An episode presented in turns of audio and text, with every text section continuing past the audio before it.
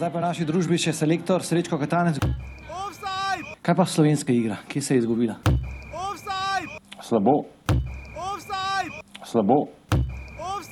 V principu nismo pokazali nič, tako da to je, uh, uh, to, je to. Kako to, da niste pokazali nič? Vi, to, fantje, jaz berem pred tekmami marsikaj izjav, kako gremo zmagati, kako gremo to, kako smo dobri, kako smo uh, samozavestni. Igravci lahko imajo igrišče 90 minut, lahko to pokažejo, danes žal nismo, jaz sem uh, ta, ki, je, ki, je, ki jih vodi in uh, predvsem prvi polčas je, je bil uh, izredno slab. Zdi se, da je do menjave z Bezekom je bila igra dobra. Dobra igra, prosim vas. Jaz sem, jaz sem podpisan pod to danes, tako da to bo, kar se mene tiče, zelo, zelo slabo. In, uh, Vendar pa niso samo novinari razmišljali o teh točkah, tudi vi ste na zadnji tiskovni konferenci dejali, da je velika razlika med zmago in remijem v točkah. Torej ste tudi vi Seveda, nekako razmišljali o remi- tem. mi uh, iz točko ne prinašati nič.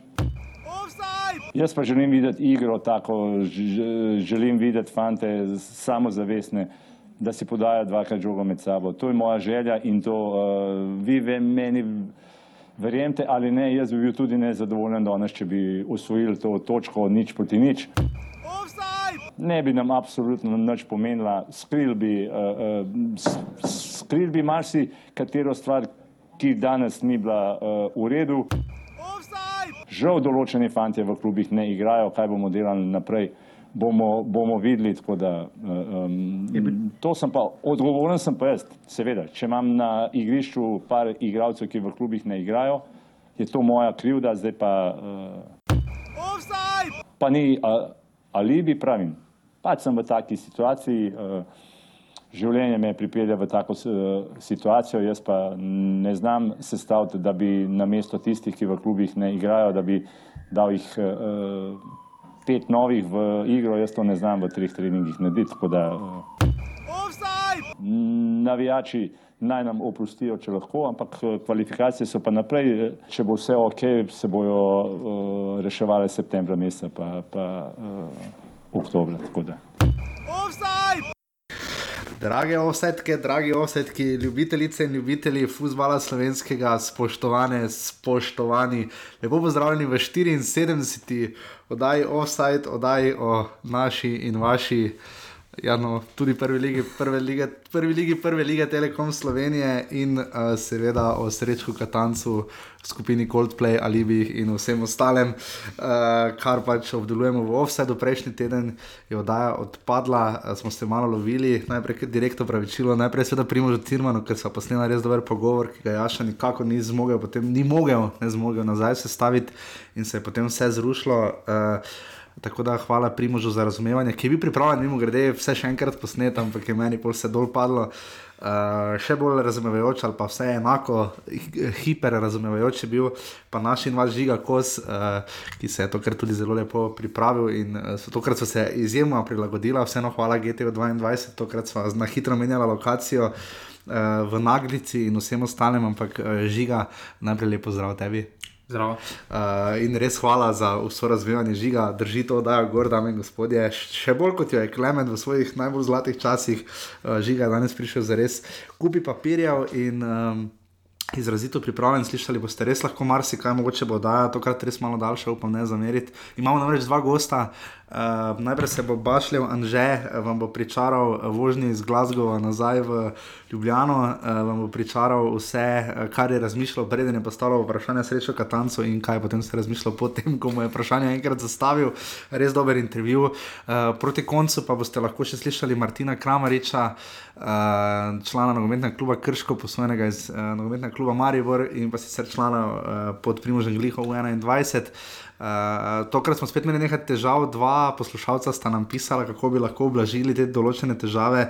Uh, se bomo potrudili, vam bomo odpisali uh, in bomo probali najti neko rešitev v doglednem roku. Ampak kolikor vem, kolikor mi je bilo rečeno, je ta telefon oblika še ena najboljša. Tokrat se Martina ne sliši najboljše, zato res upravičujem, že ta se sliši predvsej boljše. Trudimo se tudi z našim introm, ki ga je tokrat seveda pričakovano slišal srečo Katanec, boste pa lahko, ki ga slišal uh, avtor le tega, oziroma glavna zvezda, uh, boste pa lahko slišali tudi intro, če ste ga pogrešali od prejšnjega tedna, ga boste lahko slišali ob koncu oddaje, da se boste spet malo privadili na prvo ligo Telekom Slovenije. Nekdo nam je zadnjič napisal, kako bo preživela mesec april. Težko, težko uh, ker je res uh, že naslednji teden prvi derbi izmed treh, ki nas čaka v aprilu. Uh, ogromno dogajanja, v sredo je že krok, je že krok uh, naslednji offset bo naslednji ponedeljek, 3. aprila, 75. po vrsti. Uh, tako da uh, vas bo res čakalo ogromno, ogromno dogajanja, ampak uh, najprej gremo v središče dogajanja, ključno dogajanje. Uh, Se je dogajalo včeraj zvečer, žiga se že drži za glavo. Uh, žiga, uh, um, um, jaz sem napovedal, ko sem videl, kam tekmo šla, jaz sem rekel, da uh, to je tako tipično slovensko, ko se tako na eni točki se pač sprijazniš, da bo remi, ne? rečeš, vredno pač ne bomo zmagali. Ampak sem že takrat rekel, da ko se sprijazniš, da bo remi, pa da se to ni tako slabo, ne? se tudi točka ni slabo, takrat gol dobiš. Kak si ti uh, sam videl včerajšnjo tekmo, ne moremo imeti tega škotska slovenija skupina F, peti krok, ena proti nič, zadev je Kris Martin, ki ni bil poročen za Gwyneth Paltrow. Uh, tako da prosim, žiga. Uh, Tvoje uh, videnje včerajšnje tekme, ki naj sploh začnem. Ja, res, eh, včeraj je bilo stran vržene dve uri pred televizijo. Si se slabo počutil, res mi je zamorjen, moji tviti so bili res zamorjeni, se upravičujem, če sem koga spravil ja. stira, par ljudi sem blokiral. Ampak uh, ne, ker je res, eh, meni je taka muka to. Tako je prav zakrknjen, zagrenjen. Ne? Pa nočeš biti zagrenjen, ja, res, da bi pričak, zmagali. ne. pričakovanja so bila malo višja, pa tudi položaj je bil ugoden. Po polovici skupine bi štartali z zelo ugodnega položaja, v drugo polovico, tako da smo imeli lepo šanso za kaj več. Zdaj, pretekmo, prejšnji teden, ki je oddaja odpadla, ampak že tiskovna konferenca sama po sebi ni bila ravno bleščeča. ne. Eh, Tam smo veliko slišali o, tudi o Luki Zahovču, se je veliko govorilo, pa tudi o Kevinu Kamplu, pa nasploh ta odnos. Uh, si ti tudi začutil, da igralci, po eni strani, kar je tudi Katanec potekel, meni, igralci so govorili tudi o zmagi, ne na zadnje tudi Bojan Jokič, ne, ki Ja, ni imel tukaj, najboljše tekme. tukaj je res zanimivo, da Katanec govori eno zgodbo, medtem pa, pa tudi pred javljanjem eh, je njegov pomočnik povedal, da gredo na, da gredo na zmago. Medtem od Katanca tega cel teden niti z eno besedo nismo slišali. Tudi kapetan Cesar je povedal, da, grejo, da gremo na zgor po tri točke, da nas drugo ne zanima. Tako da tukaj je res zanimivo, kakšno odstopanja pridejo v taki dokaj kompaktni reprezentanci, ko delujejo, pa na zven. Se kot- kot kaže, ni. Kot boste slišali, potem je že tudi zelo opozoril Bašel eh, v petih mesecih neigranja nekaterih eh, fantov. Ne? To je res dolgo obdobje od zadnje tekme z eh, Malto, oziroma potem še Poljska. ne. Um, ni prvič, da smo slabo začeli tekmo, ne? tudi na nazadnje z Maltežani nismo pretirano dobro začeli. Uh, najbolj ključna je bila pa tekma z Litvo, ne? ker se je tudi pokazalo, da imamo očitno imamo z gostovanji hude težave. Ne? Ja, res eh, nismo znali odgovoriti na ta visoki pressing škotov, pa tudi najverjetneje so nas malo presenetili, saj jih je Katanec pretekmo opisal kot da bo tipični otoški nogomet, da bodo igrali na visoke žoge, dobili pa so nas v igri po tleh, to najbolj boli. Ja, tudi to, ne, da je tudi katanec desni bočni, ne, govoril je o Škotu, seveda ne, je prebijal po naši levi, ne, kar več kot očitno ni bilo težko. Uh, greva, greva, greva, kar ne, greva, greva kar po pozicijah, po, po naprej, ker polčasa, sta prvi polčas je bil, kot ste lahko slišali v vodu, res slab. Ne, Naš kazano. najboljši prvem počasu je bila v okviru vrat. Okvir, okvir vrat, ja, je bil definitivno naš najboljši uh, igralec. Um, morda uh, Jan Oblak, uh, greva kar na Golmana. Um, Kaj si sam videl, zdaj ni malo tistih, ki so rekli, da gole včasih bi lahko boljše posredoval, ampak slejko prej ne, pri takšnem, takšni napetosti kateri, situaciji, v kateri je, ko mora pač vedno sam reševati ali pa pač njegove tri prijateljice za njim. Uh, Kaj si sam videl njegovo vlogo ne, včeraj na včerajšnji tekmi? Daleč najboljši pri nas to je tudi zaskrbljujoče, saj že od časa Samira Handanoviča pod Srečkom Katanec je kot, kot po pravilu je naš najboljši na igrišču zmeraj golman. To tudi lahko marsikaj pove o naši igri. Res imamo srečo, da imamo vrhunske vratarje, ampak vseeno začel je na začetku malo nesigurno pri tistih visokih Ja, tam žogah, ga je res preskočila malo na začetku. potem tako pa je prišel v ritem in Ker večino skoka je dobil, ne, poleg tega, da je on, on sposobil glavnega, glavno orožje škotov, Ja. uh, Gri- Grifica, ampak uh, se ti tu zdi, da uh, je na Janu oblaku po eni strani prevelik pritisk, uh, glede na či- način igranja, zdaj težko primerjamo klubske, ne, to bomo tudi potem mogoče pri Kamplu menjala, ampak vendarle obramba Atletico Madrida, sistem Diega Simeona je drugačen, sicer na tem temelji tudi Katanec, ne, Katanec je pa veliko govoril o tem, škoti so ga dali še vsakemu, dali, skoraj vsakemu dali, ga, upamo, da ga ne bodo dali, nam pa so jim ga dali, ne. Je tu Jan Oblak lahko karkoli več storil pri zadetku, po tvojem mnenju? Ne, tukaj se tudi vidi, da pri Atletiku iz Madrida ima boljšo komunikacijo z ožjo obrambo, tudi bolj več zaupanja je med njimi, medtem ko pa eh, pri tem, na, tem branilskem dvojcu, ki ima vidno primankuje tekem, težko spostaviti s- takšno zaupanje, kot jo ima v, v klubskem stažu. Tako da težko primerjamo oblaka iz Atletika in reprezentance, čeprav tukaj tudi opravil delo na zelo visokem nivoju. Za pri oblaku, morda še to ne oblak, bi res lahko bil ta nosilec neke nove generacije, neobremenjen je s, pre, z, pre, z preteklimi zgodbami. Sicer je bil pač na klopi sedel parkrat, ampak zdaj je nek, nek član neke nove generacije, ne, ki zadaj prihaja, ampak eh, se tu vendarle zdi, da. da Da ne, mo ne more reprezentanta sloniti samo na njem, ne. to bo tudi, to bo tudi Anže potem povedal. Potem greva v obrambo, ne. zdaj uh, zelo uh, naivno je cesar prejel rumeni karton, ne. zdaj uh, opcija je, da ni 22 želel igrati proti Malti, ne, ampak zavlačevati 22 minut, šel je na tisto finto, ne, se mi ga ne bo dal v 22 za zavlačevanje in mu ga je bil Kuipers dal, pri čemer je cesar imel srečo, da je končal tekmo. Ne. Ja, tudi Jokič je imel Zelo sreč, veliko sreče. Da, že prvem polčasu ni zaključil tekmo. D- Ne, dva, kaj tudi sama reče, da bi trije od štirih so dobili karton ne, v zadnji vrsti. To veliko pove, uh, sploh glede na to, da v drugem času recimo je igra Škotov precej padla, ne, uh, razen na koncu. Um, Kak si sam videl obrambno vrsto, recimo Miro sam reče, ima strašanske probleme z Grificom. Uh, tu me čudi, Mevlja je vendarle bolj konst, po konstituciji, se mi zdi. Bolj primeren igralec in pa ne, ne na zadnje, dosti več igra, ne, ker sama reči, igra kje v Turčiji ali kje je zdaj trenutno. in- Turči igra samo pokalo, stalo ligo, sedi samo. In- In na kitajskem tudi ni nič igral. Nič igral, tako da za njim tudi ni eno leto. In tu je ta nekako, se mi zdi, moja teorija gre v smer, da eh, ima katanec prenaša te probleme, ki nekako nastanejo po bioproblemi, ne, uh, po Branku Iliču. Ne, on išče drugega sparing partnerja, Boštjanu Ja. Cesarju. Kako ti sam vidiš to vlogo? Čeprav Cesar je tudi kljub temu, da je kapetan, je že imel boljše tekme v dresu Rudance, čeprav je bil veliko boljši kot njegov partner Samardžič, eh, smo ga tudi bolj navajenega, bolj kot vodja obrambe, tudi po tistem kartonu je malo poniknil, tudi več vedel je, da več ne more tako ostro iti v dvoboje in s tem smo tudi malo izgubili na sami grobosti proti Škotom, Za Cesarja ne bo, ne, na tekmi z Maltežani, Jokića. pa Jokiča. pa ne. Samardžič. torej, skoraj cela obramba, še dobro, da na tekmi z Malto, da ne potem za september, če že kdaj, potem bo Ja, še hvala zdaj. Bogu, da pri Malti najstrelec v kvalifikacijah dobil rdeči karton. Ja, Slovakom. z roko, ko je igral, da ti se res bila bizarna situacija, tako slaba verzija Maradone. ne. Do- Don't try to this at home kids varianta, ampak um, Bojan Jokič.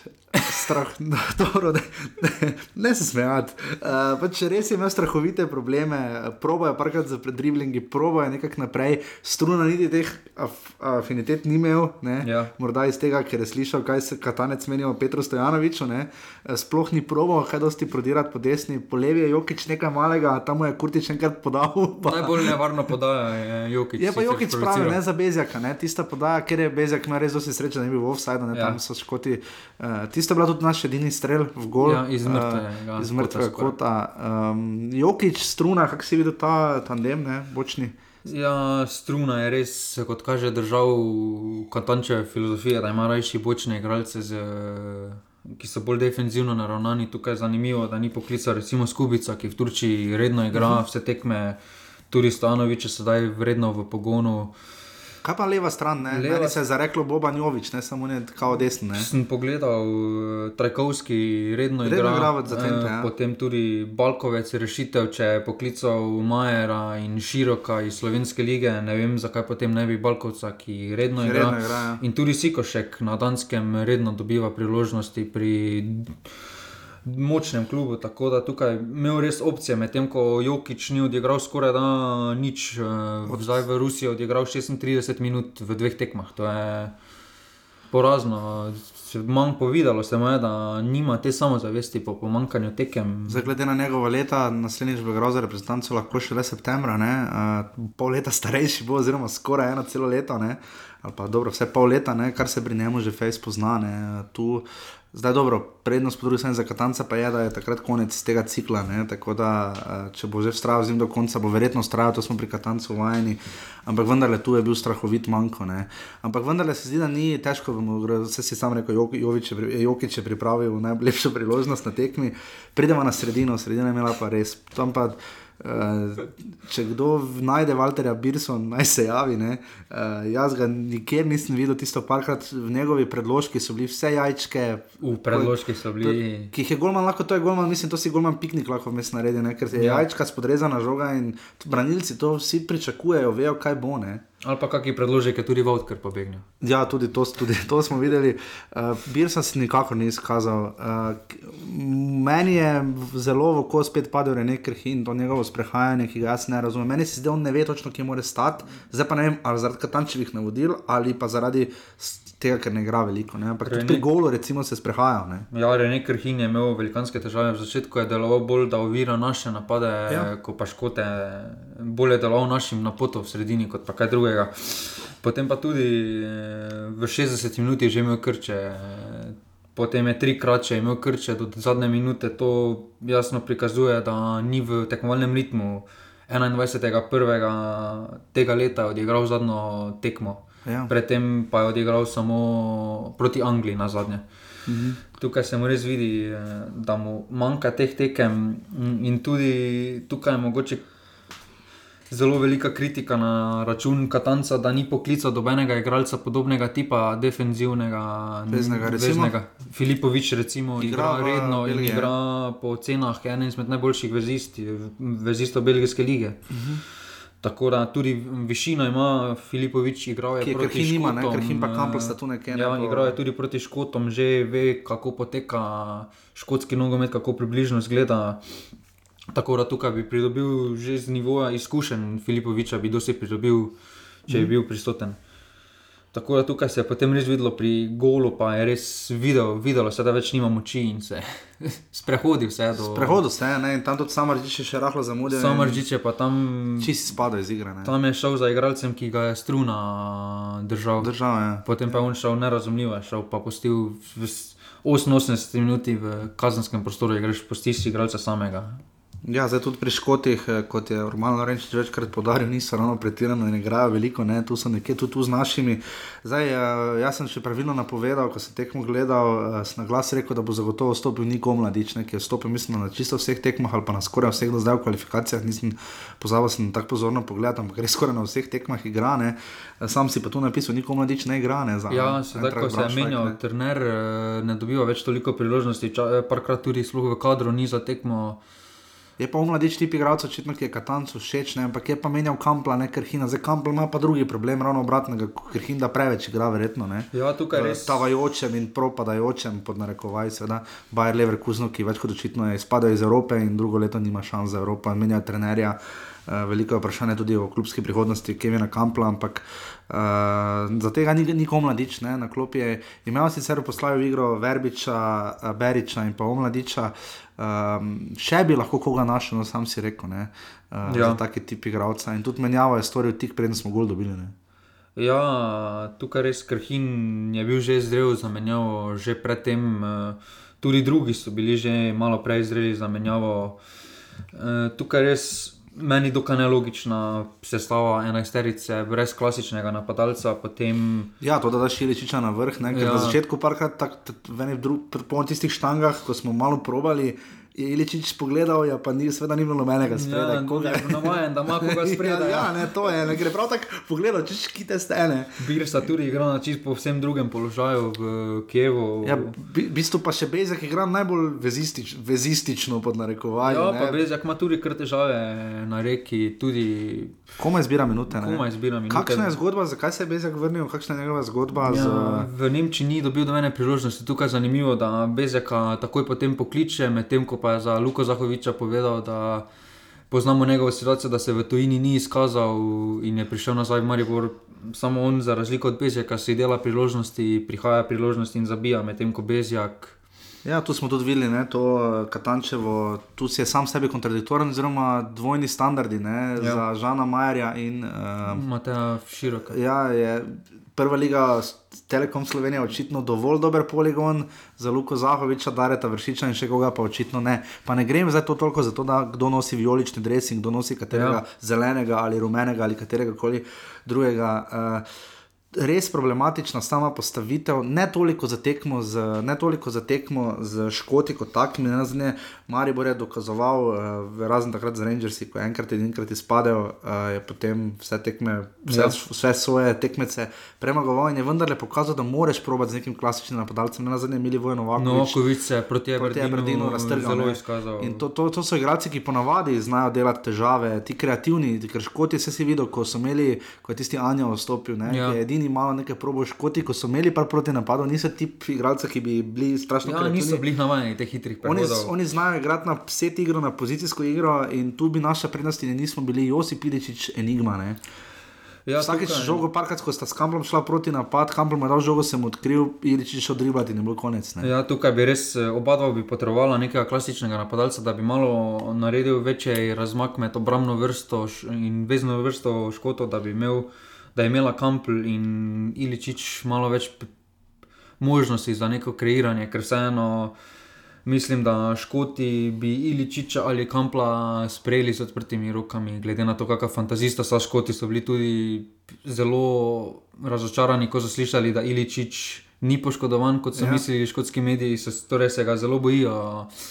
Vendar mi ne znamo naš- najti prave pozicije za ta dva. Zdaj jaz nikoli ne bom Iličiča uvrščal kot napadalca, to ga pač moramo, ker ga srečo Katanec je postala tudi še manj Walterja Birco. Uh, Menjava menjava pa je Bezjak napadalec na krilu. ja, napadalec na krilu. Eh, Kaj, eh, zdaj, sama uh, menjava, ne, tista, tista je še pa posebej spodletela, ne, uh, Bezjak, uh, Birsa Berič. Ne. Uh, Včeraj, če kdaj se je zdela to tekmo za Milivoja Novakoviča, pa ja. Ja. zadnji, ki bi ga promoviral, promoviral sem jaz, verjetno, ampak včeraj se je pa res zdelo, da bi lahko šlo v to smer. No. Ja, Ker tukaj- Berič vstop ni pa res čist nič prinesel. Ne. Ne, nič. Uh, bolj logično je bilo, da je mogoče Berič začel in bi potem Novakovič stopil kot, Kot visok igralec, ki ja. Bi lahko z dolgimi žogami pa probo kako žogo pobrati. Tukaj je zanimivo, da se Katanec ni nič naučil že od tiste tekme za Švico v gosteh v prejšnjih kvalifikacijah, ko je tudi brez eh, napadalca v zadnjih minutah povsem pogorel, ko je menjal po poškodbi 3-2 Novakoviča. dobili. Ja.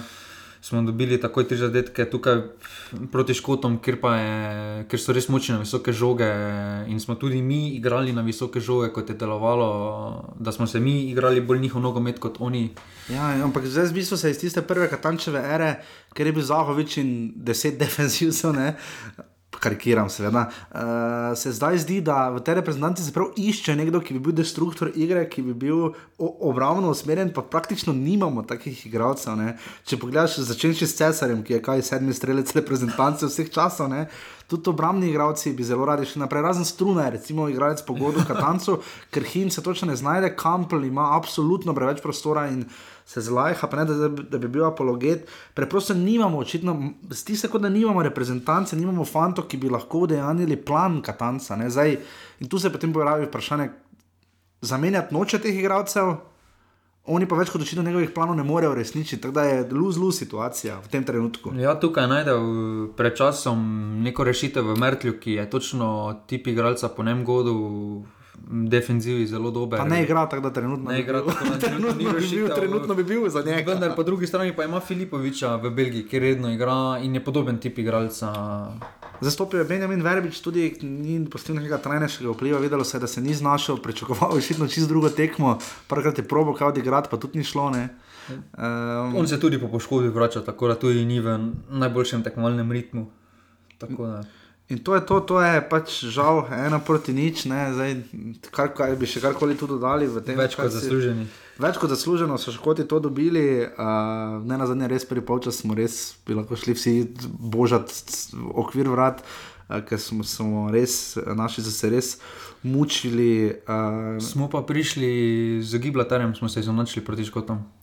V Ma- zadnjih 11 uh, tekmovalnih tekmah Škoti niso prejeli gola samo proti Gibraltarju in nam. In še drugo si ugotovil, ne, uh, po številu zadetkov, s kom smo izenačeni. Ne. Ne, Lu- Luksemburžani so jih dali več. Luksemburžani so dali več kot mi. Več kot mi. Zdaj smo dali štiri zadetke. ne. Štiri zadetke. Eh, Dali smo dva v Litvi, enega na Malti in uh, enega Slovakom. ne. Ja. Um, kar je res malo za pet tekem, štiri goli. To, in ta del Katanec, ampak Katanec je še vedno. Njegova izjava je bila, ne, da si želi, da bi si igralci dvakrat podali. Uh, zdaj, fajn bi bilo, če bi ena od teh dveh podaj končala v golu. ne. Uh, lepo, da si Katanec to želi, ampak če hočemo kamorkoli priti, tekme pač gole moraš dajati. ne. ja, tukaj res. Uh, Tako brez zobi, tudi ne spo- spomnimo, tudi na Malti smo imeli strahovite težave z, z Ja. ja. pripravljanjem priložnosti. Uh, Uh, takrat je povedal uh, na novinarski konferenci, da ko so ga vprašali novinari, ali kako podpira idejo škotskega selektora, da odigra še eno tekmo, pa on rekel, da ima rajši treninge. Medtem ko pf, če v prvo enajsterico vrstiš toliko igralcev, koliko ni imelo tekem za sabo, nekih, bi bila tu tekma dosti bolj koristna kot pa pet treningov Ja, zdaj, zdaj se v bistvu zdi, da eh, ko, ko je govoril na tiskovni konferenci pred tekmi selektor o tem, da bo poklical igralce, ki mu lahko na treningu dosti dajo in podpirajo in pomagajo, ampak zdaj se v bistvu zdi, kot da pokliče igralce, ki koliko toliko redno igrajo, da pokažejo prvi enajsterici, ki ne igra redno, kako je, ko igra še redno. ne. Ja. Eh, kar, je, kar je pač odraz vsega tega, pa je seveda stane na lesici. Angleži imajo 13 točk, 8 proti nič, imajo razliko, edini spodrsljaj, uh, ki, jim je ga, ki je ga za manjšega naredil Joe Hart s tisto parado, ki se bo znala še zelo drago nas koštatne. Um, Angleži imate 11 točk, mi smo drugi na 9. mestu, vsi Slovaki so drugi na 9. mestu, z njimi še igramo v, ne, na Slovaškem. Na Slovaškem, ja. In jaz sem že takrat opozarjal, da tako slabe Slovaške, kot je bila v Ljubljani, vprašanje, če bomo še kdaj videli. Ne? Pa takrat so igrali tudi brez tebra obrambe. Res Martina Škrtela. ne. Ja. Uh, potem smo mi z osmimi točkami, ne? Uh, tu so gole razlika, mislim, tudi loča. ne. Ja. Uh, ker težko, da bomo nadoknadili, ker imajo Slovaki kar šest, šest, go, šest, plus, šest, krat, šest več golov. Ja, tukaj se vidi pri slovaškem selektorju, da si malo več upa kot Ja. katanec proti Malti. Je začel brez Hamšika, ga je pustil na klopi, ga je komaj v po eni uri igre, ga je komaj uvrst, m, dal v ekipo. Tako da tukaj res se vidi, da, si, da na takšnih tekmah on rad preizkusi tudi druge za pomembnejše tekme, kjer je Hamšik najverjetneje zacementiran. Škoti so na, sedmem, Škoti so na četrtem mestu z še, sedmimi točkami, tako da smo zdaj tu neki dvoboj. Litva jih ima pet, lit, uh, Litovci pridejo še k nam, ne, kar bo tudi zelo zanimivo, glede na to, da so že bili, ko so se reflektorji ogašali in podobno. In potem Malta bo seveda absolutno zadnja in bi lahko na kakršen koli način uh, nam prekrižala načrte, seveda še ne, čeprav bomo videli na kakšen način, če se bi slučajno to zgodilo. Na naslednjem krogu 10. junija. Um, Proti Malti. Tu škote, upam, škotska Anglija. Ne? E, tu, če Angleži ne bi zmagali, bi nas kar peklo. Ne? Ja, tukaj škotski selektor tudi to še je pokazal, da njemu pa za razliko od Katanca pomenijo dosti več igralci, ki so v tekmovalni formi. Recimo Flečera je pustil na klopi. Klopi, ja. Ja. Pa izkušen, ne recimo Ja. nekdo, ki bi lahko prinesel izkušnje, ampak so jih čez vredo unovčili. To, kar ima škotska Anglija, vsekakor tekma, kjer za našo reprezentanco, če slučajno tu bi škoti kako točko snedli, bi bilo za nas že alarmantno. Mi igramo z Maltežani. Uh, Litva pa bo gostila Slovaško, tu ima Litva nekako zadnje neke upe, še po mojem, da bi mogoče ga Ja. iztržila, tako da ta tekma tudi ne bo brez veze pod narekovaji. Uh, in to je to, kar se tiče reprezentančnega nogometa, ki se bo zdaj res, hvala Bogu, malo uh, res dal na stran. Zdaj pa končno pravi futbol. Uh, zdaj pa končno pravi futbol, ne, uh, vse še pridemo, ne gremo še nikamor. Uh, Brca bo zdaj, uh, imamo še kaj zapovedati, ne? To je to. To je to. to, je to. Preveč smo že o tem. Preveč, uh, ja, glede na vse skupaj. Uh, zdaj se bo razvrcal Anže Bašel, um, Anže, Anže Bašel, uh, ki bo vam povedal, torej, kot smo povedali na Dobro začetku, se je da- držal na intervjuju. Dobro se je držal, zelo to ga moramo res pohvaliti. Uh, Um, boste pa slišali tudi, da je vmes že, da, da včasih tudi jaz in sam jaz bi tudi rekel. Pa. Misliš, da je že hotel iti, ko ga je vprašal? Po mojem, bašel tudi. Tako da to je to, sledi uh, že bašel uh, televizija Slovenija.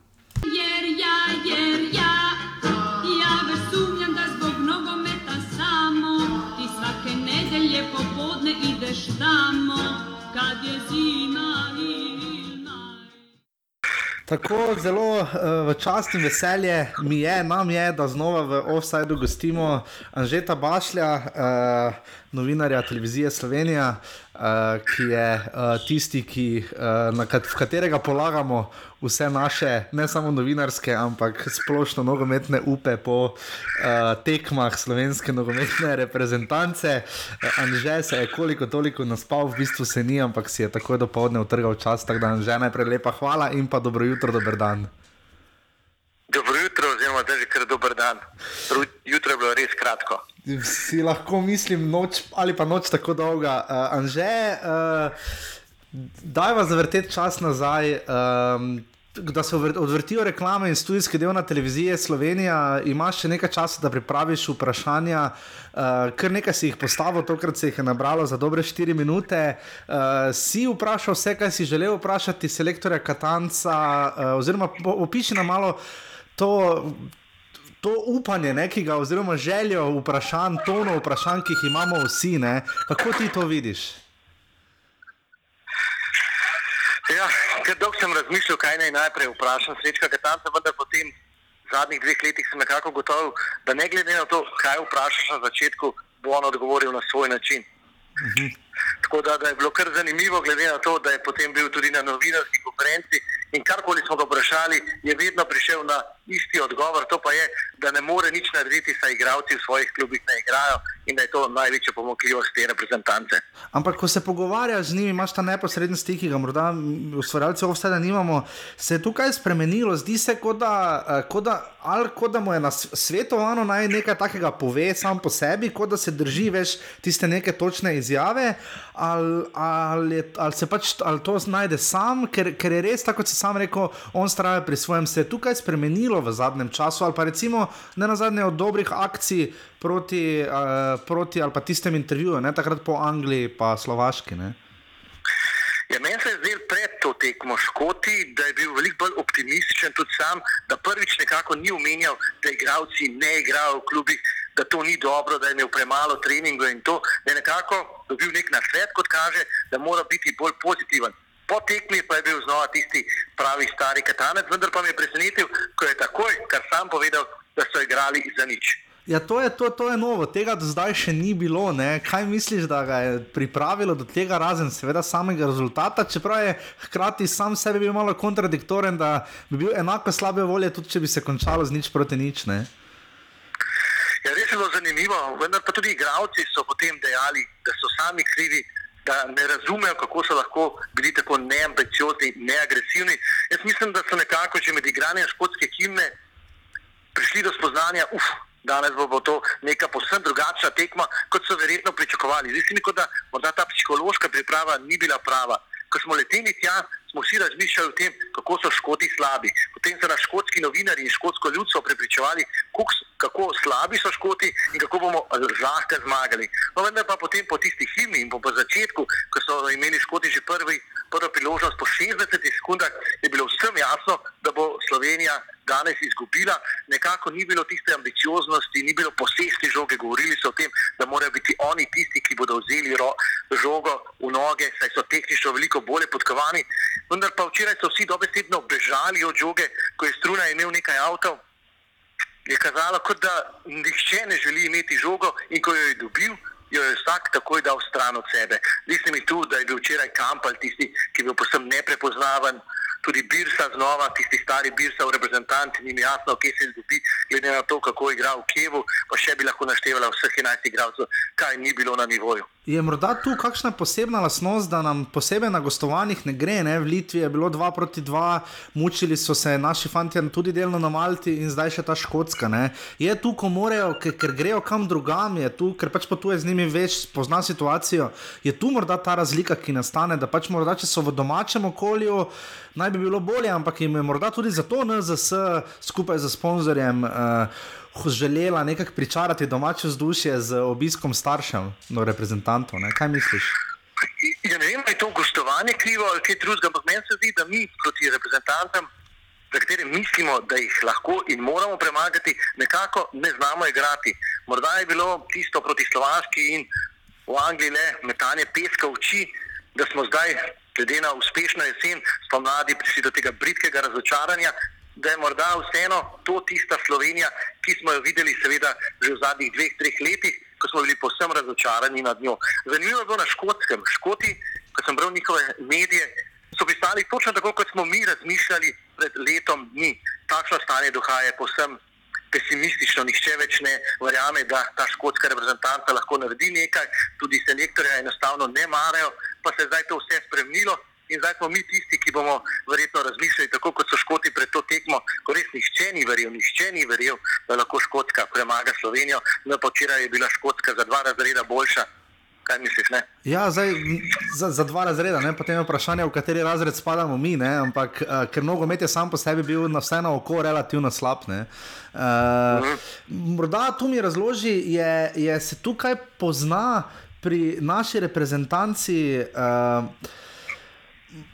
Mogoče je tu, kaj bi sam rekel, neka diskrepanca med tem, kaj so, kar je tudi sam selektor povedal tebi v intervjuju po, uh, po tekmi, da so nogometaši govorili, da pa imajo potem 90 minut, da pokažejo to, kar govorijo pred tekmo. Zdaj pred tekmo vendarle Jokič, Cesar in ostali vendarle niso govorili, govorili so tudi celo o zmagi. Katanec je bil edini, ki ni govoril o zmagi. Ne? Zdaj biti pameten v porazu, vprašanje, koliko je to smiselno, sploh iz vidika uvrstitve, ampak odkot ta diskrepanca med nogometaši? in njihovimi izjavami pred tekmo in pa selektorjem, in kako je bilo to po tekmi, kako si ti to videl, oziroma kaj si zabeležil, kaj si občutil. Ja, nekako so se predvsem igralci posuli s pepelom. Katanec je v Škoti govoril točno to, kar smo potem videli na igrišču. Igralci pa so bili, se mi zdi, malce bolj optimistični že pred samo tekmo. Jokič je dejal pred tekmo, da so boljši, da bi morali zmagati. Vendar pa se veš, nogomet igrajo, vsi pravijo, in potem se je to pokazalo tudi na igrišču. Tako da mi ni jasno, ne vem, tudi Katanec je bil v prvem polčasu vse čas na nogah, pretekel je, ker je bila tista trenerska, trenerski stolček zelo daleč od mhm. zelenice, veliko metrov. Potem pa v drugem polčasu je bolj ali manj le sedel. In mislim, da tudi v tistem prvem polčasu je bilo nekaj preveč nervoze, Zdi se mi, da so potem, ko so naši videli, da bo to zelo težko, izgubljali so nepotrebno živce tudi zaradi sodnika in podobno. Enostavno se mi zdi, da psihološko niso bili na tekmi in to se je potem poznalo na ambicioz, neambicioznosti, da niso imeli posesti žoge. In kar je zanimivo, tudi sami so rekli, da jim je bilo to čudno, glede na to, da so bili tudi starši na tribunah, kar je bila, mislim, da kar lušna poteza, ampak ni prinesla nekega rezultata. Zdaj, zanimivo je bilo tisto, kar so tudi na televiziji Slovenija pokazali, ko je bilo vprašanje o Sloveniji postavljeno Gordonu Strehanu. Ne je sicer rekel, da je Slovenija kvalitetna, ampak važni smo mi, da bomo mi pravi. Ne? Uh, Katanec je pa govoril o tem, da bojo škoti pravi. Ne? Se ti zdi tudi, da bo selektor, ker selektor, ko govori o naši reprezentanci, redko kdaj najde kakšno pozitivno besedo. Ne? Niti recimo lahko bi se Jana Oblaka pohvalil, ne? ki je rešil par situacij, pa tudi vratnici bi se lahko zahvalil. Uh, zakaj Katanec tako težko najde neke res izbrane pozitivne besede o naši reprezentanci?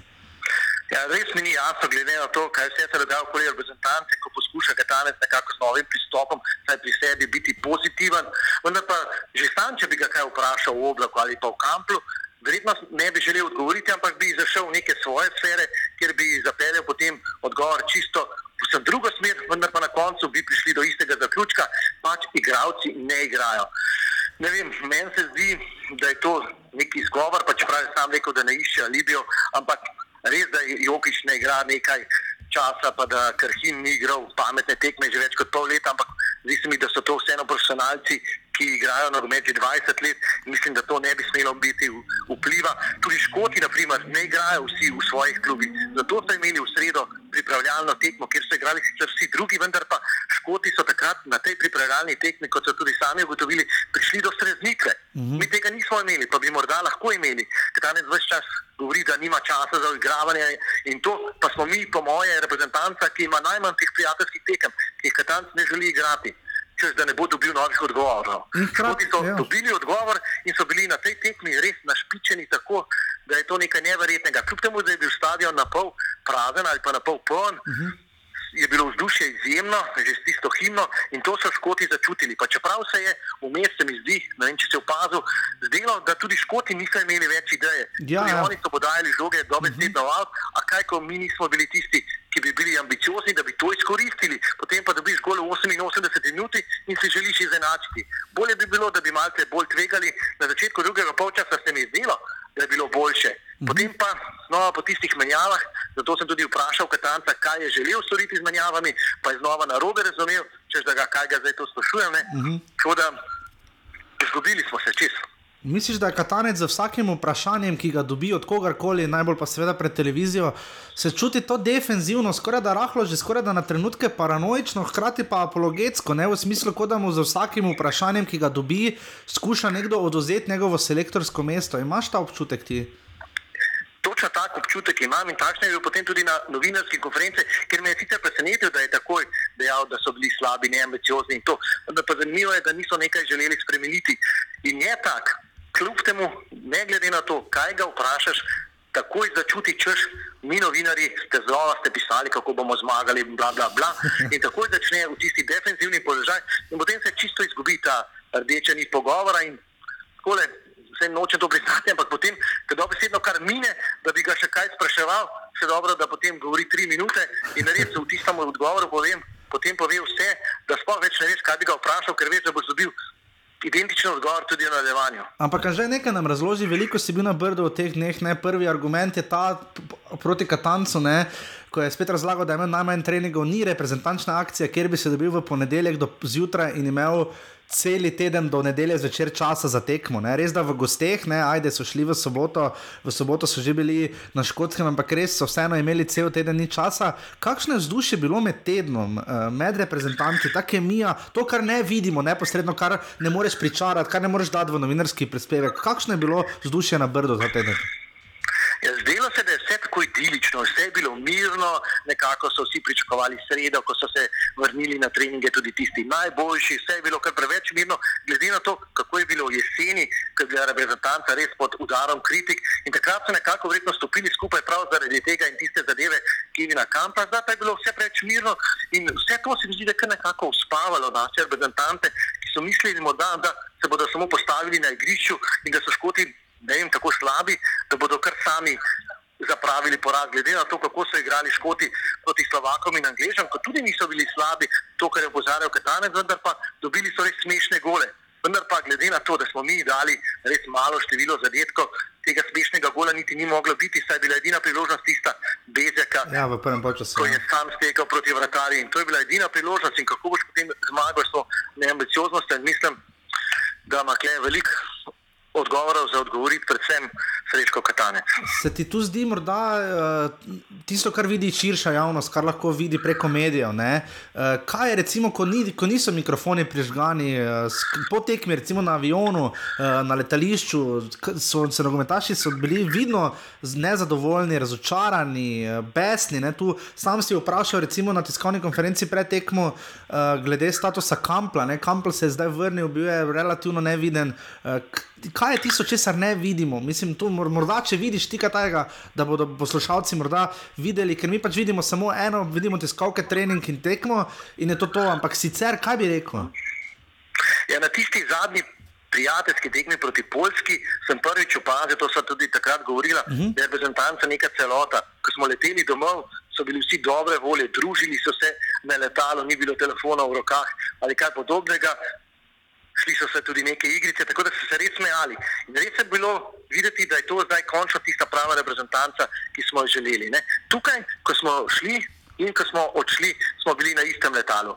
Naprej glede se mi zdi, da je bilo vse zelo optimistično, tako mirno.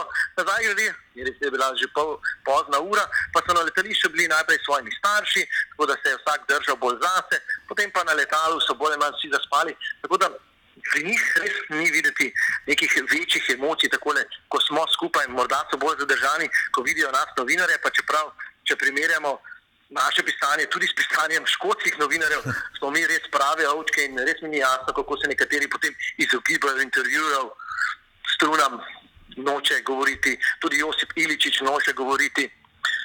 Tako da tukaj je res nekaj v tej komunikaciji z novinarji, res glede na to, da prihajajo iz nogometno razvitih držav, mi ni jasno, zakaj so tako zadržani pred samimi slovenskimi novinarji. To mi nikoli ne bo jasno. Zdaj predvidevam, da je morda še ta del, predvidevam, da je v bližini bil tudi novi predsednik eh, Nogometne zveze Slovenije, ne? za njega so to prve tekme.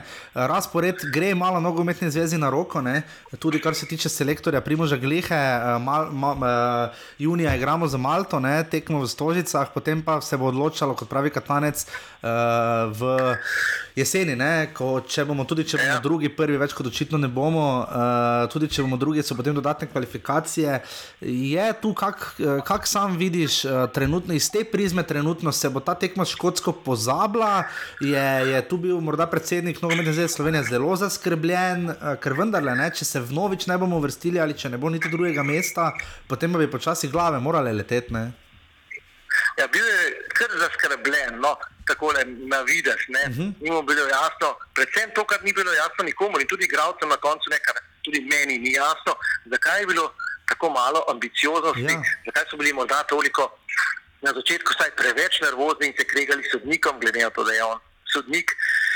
In res ne vem, mogoče je bilo dobro. Čeprav se sliši čudno, da so to tekmo izgubili. Ker če bi bilo nič proti nič, bi znova dejali, da ja, težko gostovanje, dobro smo se izvlekli, glede na to, da nismo igrali in bi šla karavana naprej. Zdaj pa upam, da jih bo ta poraz streznil, da bodo videli, da je treba res tudi na vsaki tekmi, tudi proti Škotom, ne samo proti Angližem ali pa Slovakom, dati vse od sebe, da se moraš res boriti.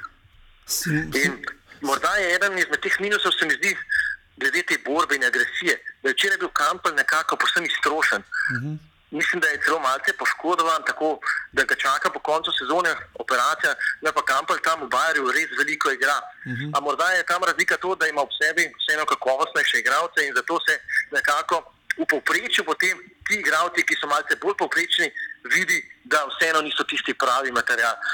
Tako da ta poraz je bil po mojem kar dobra streznitev, da bodo naši fanti proti Malti, za katero je selektor na koncu celo dejal, da če bodo tako igrali kot danes, lahko še izgubimo, bodo bolj našpičeni. Mogoče še to, morda, ja. Ja, še morda še to, da upokliče v reprezentanco res tudi tiste igralce, ki so trenutno v formi. Vmes je bilo pet mesecev, to je posebno nekaj drugega, drugo mhm. obdobje, uh -huh. vendar pa igralci so bili vsi čisto isti. Uh mhm. -huh. Pa imamo zdaj nekaj igralcev, ki so v formi, ne bom dejal, vsi iz Maribora, vendar pa tisti bazen je kar poln, glede na to, da so v formi. Ne? Ja, ne, na zadnje tudi Andraš Šporar igra. Ja. Bo računal na te, ki jih ima uh mhm. -huh. in ne glede na to, ali igra ali ne, vendar pa potem se po vsaki tekmi nekako sprašuje, ali je prav, da dam tega in tega igralca igrati, pa potem naprimer nekaj hin igra 90 minut, pa čeprav je imel že krče, pa ga je Lešček spraševal takole, sem bil čisto zraven slovenske klopi, ali boš lahko Rene igral, pa je Rene Krhin rekel ja, ja, ja, in je potem na mesto Krhina šel Kampel z igrišča. Uh mhm.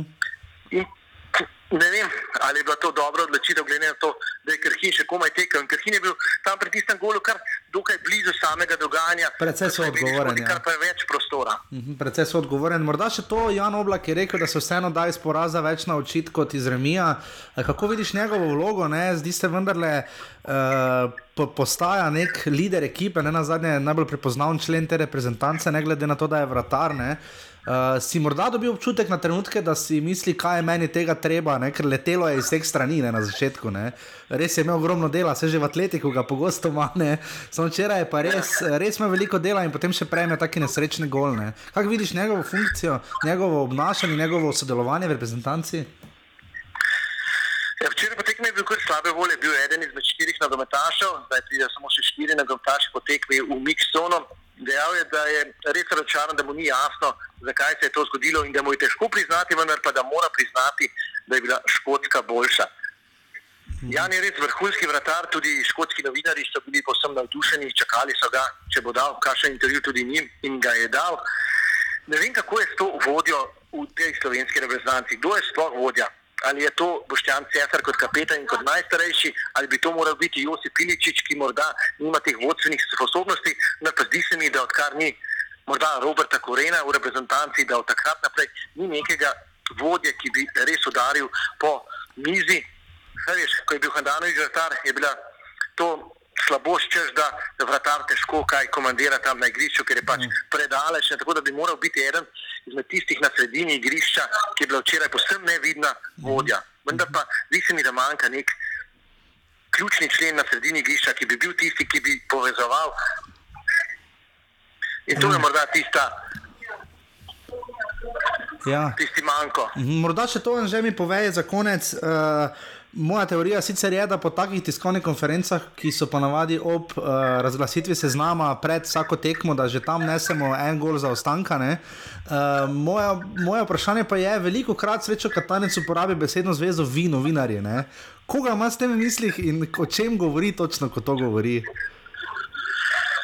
Kako si ti razlagaš? Nogometaši teh naših poročil na televiziji ne gledajo. Zdi se mi, da bolj ali manj berejo le medije, da je ekipa tista, ki nekako uravnava to mnenje o slovenski reprezentanci, tako med navijači, uh -huh. kot tudi med samo reprezentanco. Čeprav si reče, da ne berejo, pa kaj danes potem v prvi izjavi potem reče, ja, se berem, kako vi pišete, da bomo mi premagali Škotsko in bla bla bla.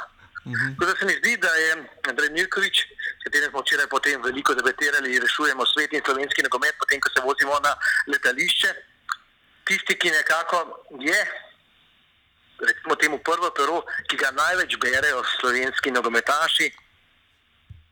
Tako da zdi se mi, ne vem kako naj to izrazim, da dajo veliko na mnenje javnosti, na mnenje eh, medijev, pa čeprav tega ne želijo priznati. No. Zelo dobra misel, vam že. Eh, Hvala za izredno izčrpen uh, pogovor. Uh, na spise uh, do junija je potem čas.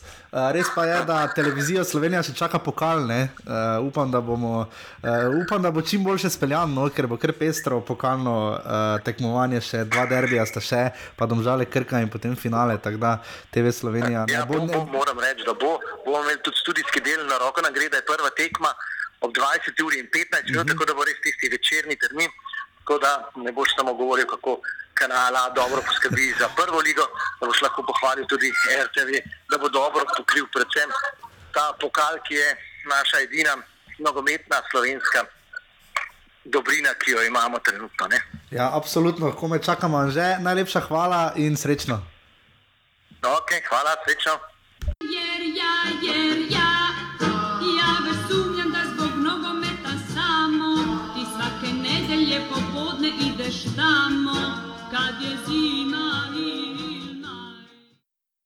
Um, ja, to je bil torej Anže Bašel, hvala Anžetu. Uh, tukaj gledava z žigo, uh, je zelo lepo se pripravil. Uh, tekme proti Skandinavcem, oziroma tu bomo dali vse, kar je severno od Nemčije, recimo, in Francije, čeprav tudi z njimi nimamo nekega dobrega skora. Ne? Uh, proti recimo severnjak, severnjakom, no, torej tu so šteti uh, vse skandinavske države in pa vse otoške. ne. Ja. Um, tako da kvalifikacijske si tu štev, ne, predvidevam. Pa prijateljske sem tudi, samo potem pa sem. Uh, Wales manjka še, ja. Z njimi smo mislim dvakrat igrali. Ja. Uh, ni pomembno. Uh, pa Severna Irska, pa tako, ampak uh, nimamo dobrega skora, pretirano. No, imamo, Ne, jaz sem bolj pogledal, katere igrajo bolj takšen tip nogometa. A, okej, okej. Na začetku, ko je Katanec opisal, pa sem se bolj potem A, održal. okay, še sem. E, Tako da zadnja naša Danska, zmaga. Švedska, Finska, Norveška, Anglija, Škotska, Islandija. Ja. Ja. Spoštena sta, torej Nova Severna Irska in pa Wales. Wales ja. Walesom smo tako tako radi, mislim, da dve prijateljski, pa pa krat zgubili. No. Ja, tu se zadnja naša zmaga proti tem tipom uh Mhm. -huh. vsega v letu 2013, ko je Novakovič zasegel Hedrik doma proti Norežanom. Ja, točno. Kje so ti cajti, ne? To se danes zdi skoraj da nepredstavljivo, ampak kakorkoli že. Uh, Igrali so tudi mladi reprezentanti, prijateljsko tekmo, veliko se je prejšnji teden ekipa obadala, športni časnik ekipa, tudi z tem, kar počne Primož Gliha, vsekakor se s tem, kar, počne, poč, kar je počel lani, se lahko absolutno strinjamo, ne na zadnje so premagali Srbijo, ne, oziroma to je že predlani na dan, ko smo izpadli, ja. ko so člani izpadli proti Ukrajini. Um, je takrat to počel zelo dobro, imel je res fenomenalno generacijo, zdaj pa vidimo, da je reprezentanca postala, mlada reprezentanca postala res. Neko križišče nekih različnih interesov, uh, kjer uh, res malo debelo pogledujemo, klubi kot so Ankaran, Bravo in podobni. Uh, reprezentanca je suvereno zgubila s Hrvaško. Uh, dobro, dobro smo odnesli. Uh, s tri proti nič, dobro odnesli, SN portal, Petr Dominko je dobro, zelo obdeloval to tekmo, uh, ki so naši igrali. Um, gre nam, ne, zdaj trenutno res. Um, kar nekaj preglavic, uh, tudi sistem 5-4-1, to redko kdaj vidimo, ne, to ne vemo, kje je primož gliha takšen sistem za takšen tip fantov našel. Uh, kaj se tu še ugotovilo? No, tu vidimo, koga ni na seznamu, ti Anič, recimo, ki opozarja na sebe pri Olimpiji, ne pa ja. Makar, ki igra pri Firentini. Uh, kaj si samo ugotovil? No? Ja, da tukaj res. Uh, uh, Pogledal sem vse klube v prvi slovenski ligi med mlajšimi igralci, kateri dobijo neko priložnost. Je, uh, Gliha je sicer tukaj res poklical vse, kaj igra v prvi ligi. In to tudi izpostavil, sam da raje ja. vidi, da nekdo igra. Ne? E, to je razlika od našega. Ja, recimo on je ja, za Jane zapiška, recimo to revki pri celju, koliko toliko redno igra. Ne? Ja, potem pa tudi v drugo ligo je pač pogledal, ker pa tudi. Ankara res malo izstopa z štirimi reprezentanti. No. Dobro, res da Ankara ima resne želje po vstopu ne, v, prvo, v prvo ligo, ne, trudijo se. Uh, samo da ja še najde. Uh, ja, Face, zgubili so skrko, zgubili so skrko, mogoče ker so manjkali ti fanti, ampak ne so že igrali. So, so že igrali, eh, tako da eh, Ankara je tretji trenutno v drugi ligi z 31 točkami, izgubili so pa za polfinalistom, pokala Slovenije, krko zdaj proti ena, ampak eh, vrni se nazaj na misel, pogledajo v drugo ligo tudi pač preresnike. Ja, tukaj res mogoče bi bilo pametno, da se že pokliče mlajše, recimo mlakarove generacijo, ki sicer 98-letnik mm -hmm. in se te bolj vidne člane 96. generacije posti. Ja, ker oni bojo. Ja, pa se jih malo uvaja in bo na to tista generacija čez dve leti že, že dokaj izkušena in bo imela težke tekme za sabo. Tudi večina tiste generacije 98 igra v tujini. Tako da tudi imajo neke izkušnje, recimo Mlakar, Elšnik, mm -hmm. Karič, Ja, za njih dva je rekel, pač, da za Elšnika je povedal, da igra v 23, v bistvu imajo angliški sistem uh, za Derby County, da pač uh, Braja daje priložnost tem, ki je igral doma, ampak bomo zdaj videli, kvalifikacijska skupina slovenska ni tako težka, uh, kar, bo, kar boste lahko slišali, malo tudi Martina Kramariča, uh, Francija, Črna Gora, Bolgarija, Kazahstan in Luksemburg, tako da drugi gre v dodatne kvalifikacije, tako da tu oziroma v naslednjo rundo, kako je že to. Uh, tako da uh, sama skupina začne vse tekme jeseni, uh, ni tako težka, ampak čaka pa veliko, ravno to, kar je, primožgljiha selektor. Ja. Uh, hkrati pa tudi se vidi, ne, če smo recimo še lani ali predlani, tudi ko smo začeli vse delati, ko so igrali, ne vem, EUP, pa Cvek, pa vsi ti iz recimo Krke, Zavrčev, pa se je ja. sestavljala res dobra reprezentanca mlada, ne, ki je ne na zadnje premagala takrat Srbijo. Um, imamo pa težave z tem, ker vedno manj, vedno manj mladih dobiva priložnost, ne, eh, pri, v, tudi pri slovenskih ekipah, ampak to zakaj na račun tujcev, razloži, ker se res dobro pripravlja. E, tukaj sem reč pogledal zadnjih eh, sedem sezon v slovenski ligi. E, Začel sem za sezono 2012, kjer je igralo samo 49 tujcev v celotni prvi slovenski legi. To je manj kot pet igralcev na klub. Od 14%, recimo. Ja, od vseh igralcev to je res zelo odličen procent. To je slovenska liga, mora biti poligon za domače igralce. Uh mhm. -huh. Potem se je to, ta, eh, ta trend se nadaljeval, eh, potem pa z letom 2013, ko je Hrvaška stopila v Evropsko unijo in s tem Hrvati več niso bili posledično tujci, tujci se je sprostilo s tem veliko tržišče in so na veliko. In to je tudi leto, kjer je prvič Slovenska liga imela več kot 100 tujcev. Tu si gledal tujce kot uh, po državljanstvu, po državljanstvu. ne po tisti kvoti, ki pač ja. tri na tekmo imaš. Ja, lahko, kot tujci. Ja. Gledal si kot tujce in uh, Zanimivo je to, ne, da če pogledamo recimo lansko Olimpijo ne, ali pa Maribor, ki je šel v Ligo Ja. Prvaka in tudi ki igra, nista največja kluba ali pa najmočnejša trenutno. Trenutno, ja, ok, zaradi te stranke Stojča in Milana Mandariča, ampak recimo v lanski sezoni je pod Pušnikom je Olimpija slonela na slovenskih fantih, tudi vdajala priložnosti mladim fantom, ne nazadnje zelo zgled ja. tega je Maribor, ki je igral z devetimi ali pa celo desetimi slovenskimi nogometaši. Ja, tukaj se je poznalo. Koper letos, eh, Gorica je imela tudi tisto sezono Italijani, z Italijani, Zavrč, Krka. Hrvati, ja. To so vsi klubi, kjer eh, se morajo zanašati na mlajši podmladek. Problem je tudi, da ti tujci, ki pridejo, po večini niso dodana vrednost. eh, Razen, recimo, imamo re, redko primere, recimo imamo Filipa Dangobiča, ne, ki je. Ja. relativno mlad, še vedno se zelo dokazuje, ali pa Dominik Glavina, ki je tudi v teh, recimo, počasi srednjih letih prihaja, ne, ampak redki so taki primeri, ne, ja. Recimo, ko res izp, izstopa. Ne. Res, eh, včasih se, ko pogledaš katerega tujca, se vprašaš, če res nimajo mogoče kakšnega v mladinski s kategorijah, ki je boljši, pa cenejši je tudi za klub, na vse zadnje tudi njihov. Ja, absolutno se strinjam. Uh, je pa res tudi tu, recimo, Maribor, Domžal, Olimpija imajo širok kader, ne, uh, Ja. precej širok kader uh, in tukaj pač skušajo najti optimalno rešitev. Uh, zelo veliko bomo videli, kaj bo drugo leto, ko se bo druga liga razširila, ko bojo lahko obe ekipe šle noter v drugo ligo. To bo zelo zanimivo videti. Mislim, da, bo, da bi to znal biti eden od principov, kjer bo lahko Primož Gliha nekoliko več videl, ampak to bomo videli še več. Ja, to je ena izmed rešitev. Jaz sem tudi potem. Malo sem se igral tudi z idejo, da bi recimo nogometna zveza ustanovila za vse prvoligaške ekipe, tako kot imajo v Angliji sistem U21 Development League. Ja, da narediš tako, pa tako kot je ja, da Liga prvakov, Liga prvakov, ko igrajo. Ja, pač da igrajo ti igralci od mladinskega staža do Ja. ja. kategorije članov, ker po pravilu ne dobijo po večini takoj vsi priložnosti, ja. da naj malo igrajo. Ja, tu za zdaj pač uh, trenutno nimamo dosti optimističnih razlogov, ne na zadnje. Ja. Uh, to je tudi lanska evropska sezona, klubska, slovenska je bila, milo rečeno, solidna, no, ajde recimo, no, solidna je bila zaradi domžal, predvsem. No. Ja.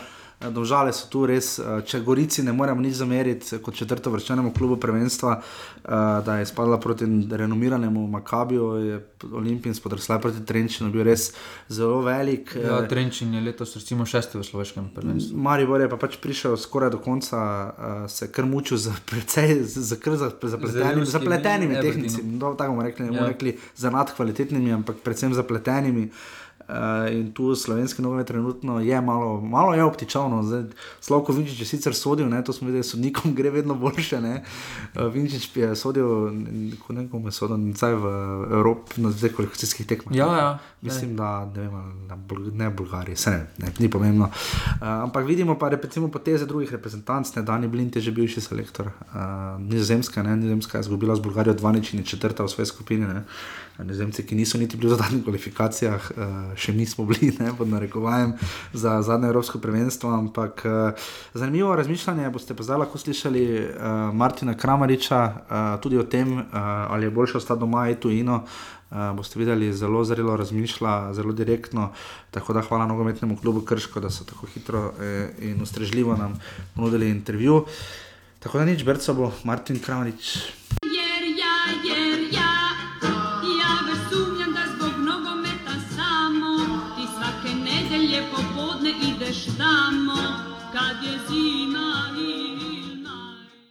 Tako zelo veseli smo, da v uh, naši oddaji gostimo Martina Kramariča, uh, člana uh, reprezentance U21 in pa nogometnega kluba Krško, sicer posojenega iz nogometnega kluba Maribor. Uh, Martin, pozdravljeni, lep pozdrav, dober dan. Ja, ja. Um, kako ste sami videli uh, obračun s Hrvaško, ki jo je selektor označil, pa tudi vaš vratar Grega Sorčan za SN portal kot dobro, močno reprezentanco? Eh, Kako sami vidite uh, recimo razvoj U21 reprezentance, kjer se zadnja leta kar nekaj dobrih generacij razvija? Kako se sami tu počutite?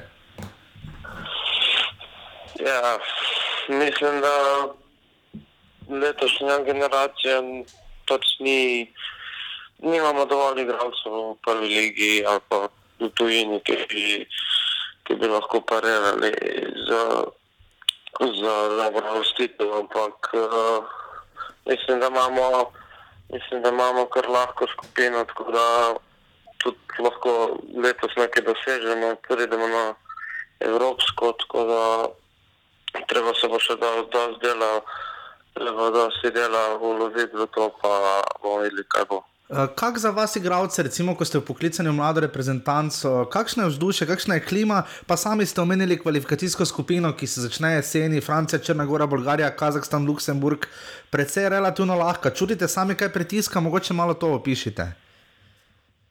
Ne, niti ne, mislim, mi se, mi smo se zbrali v redu, smo se vklopili, tako da ne no, pač skupina je dokaj lahka. No mislim, da ne bi smel kiksati edini Francija tukaj na razred zase, tako da ne vem, upamo, da bo na po najboljših močeh samo potrudili, tako da bomo videli. Kakšna je bila vaša prva izkušnja, recimo iz prehajanja v teh reprezentančnih sistemov? Verjetno se najprej ne poznate, fanti, potem pa verjetno vendarle vedno bolj, ne? ker pač vedno vidite bolj ali manj eh, obraze, oziroma obraze, ki jih že poznate. Kako je bil vaš ta vstop v reprezentančni sistem, na, na začetku katerega ste, seveda? Ne? Ja, se, se, to, to je ena in ista generacija. -huh. In se vedno, vedno se vključuje že v malo mlajše selekcije, reprezentance, tudi, v, tudi ko sem prišel v mlajše selekcije, prvič v, v, v 18. Uh, sem videl par fantov iz uh, klubov, ki so igrali v kadetski ligi, pa mladinski ligi, tako da ni bilo problema, sem jih že kar da spoznal, ne? tako da sem se kar hitro vklopil. Je težko priti v reprezentanco, še teže tam ostati, uh, kaj bi rekli, uh, za, recimo, za, za se oziroma za svojo pozicijo, na kateri igrate? Ja, teže je ostati. Uh, mislim, če, če kažeš uh, dobre predstave, mislim, da ti ni problema ostati. Uh, na najbolj poziciji. Če imaš če imaš dobro sezono, če tvoje igre grejo, koliko treba, mislim, da ni vožnja, no, ne vem. Ko si ti enkrat v ritmu, je to to. Ne morete, ni noben boljši. Ne. Imate sami kaj občutka, da je tukaj razlike, recimo ravno obratno kot pri članski reprezentanci, tu vendarle, sodeč po izjavah selektorja Glihe, predvsej vpliva na to, da fanti igrate v svojih klubih, tudi ali pa je celo zaželeno, recimo kot je v primeru Piška iz celja, da se igra v prvi slovenski ligi. Je tukaj razlike, tukaj sami se med sabo fanti pogovarjate, tujina ali pa domače prvenstvo? Ja, ne vem, no, pač mislim, da za reprezentanco treba pač vsak, ki mora biti, ki je v reprezentanci, mora igrati. Uh Mhm. -huh. Zdaj, uh, mislim, da bi lahko to so bile neke težave z temi druga liga, pa ne vem, kaj. Mislim, da mi nimamo, mislim, da se čisto razumemo selektorja, mi imamo, mi, mi imamo dosti gledalcev v prvi ligi našega leta. Uh -huh. Ki bi redno igrali. Ne? In zato je po mojem, zaradi tega je prišlo do tega, da je druga liga se pisala. Mhm, vi ste bili relativno zanimivi fenomen, igrali ste za Krko v prvi ligi, prišli v Maribor, se vas spomnim, parkrat sem vas gledal v Jarenini. Kaj bi rekli? Uh, Kako močna je recimo prva slovenska mladinska liga, v kateri ste nekaj časa seveda tudi igrali, pa potem šli nazaj v prvo ligo, zlasti z seveda krškim. Uh, kaj bi tu rekli, kako bi primerjali? Ja, če primerjamo z mladinskim ligom iz Tunisa, je slaba liga. Uh -huh. Mislim pa, da vsako leto bolj napreduje in vse bolj močnejša. Uh -huh. Vsaka šola, nogometna šola se, se hitreje in bolj, bolj se razvija in proizvaja boljše igralce. Ne? Tako da mislim, da vsako leto je boljša in bo, bo vse več in več igralcev za članske ekipe. Zdaj je že vse več, uh, vse več uh, klubov upeljuje že v mlajših letih v člansko ligo, člansko ekipo igralce. Tako da mislim, da bo vse boljši in upamo na čim več igralcev za prihodnost slovenskega nogometa. no. Mhm, Kako sami vidite svojo nogometno pot? Eh, V Mariboru ste tudi v mladinski ekipi pustili pečat kot borbenega igralca, delno tudi samo svojega, ampak predvsem streljca, izrazitega, kar zdaj dokazujete skupaj z Filipom Dangobičem v, v Krškem. Kako sami vidite to svojo pot trenutno? Ja, vsak ima svojo pot. No. um, jaz sem dal vse od sebe na treningih, na tekmah. Uh, Predvidel, da se pač pozna, ne, se tako da mislim, da tukaj drži, jaz sem delal, kar bilo treba in zdaj se, zdaj se, se vrodili sedovi. ne. Mhm.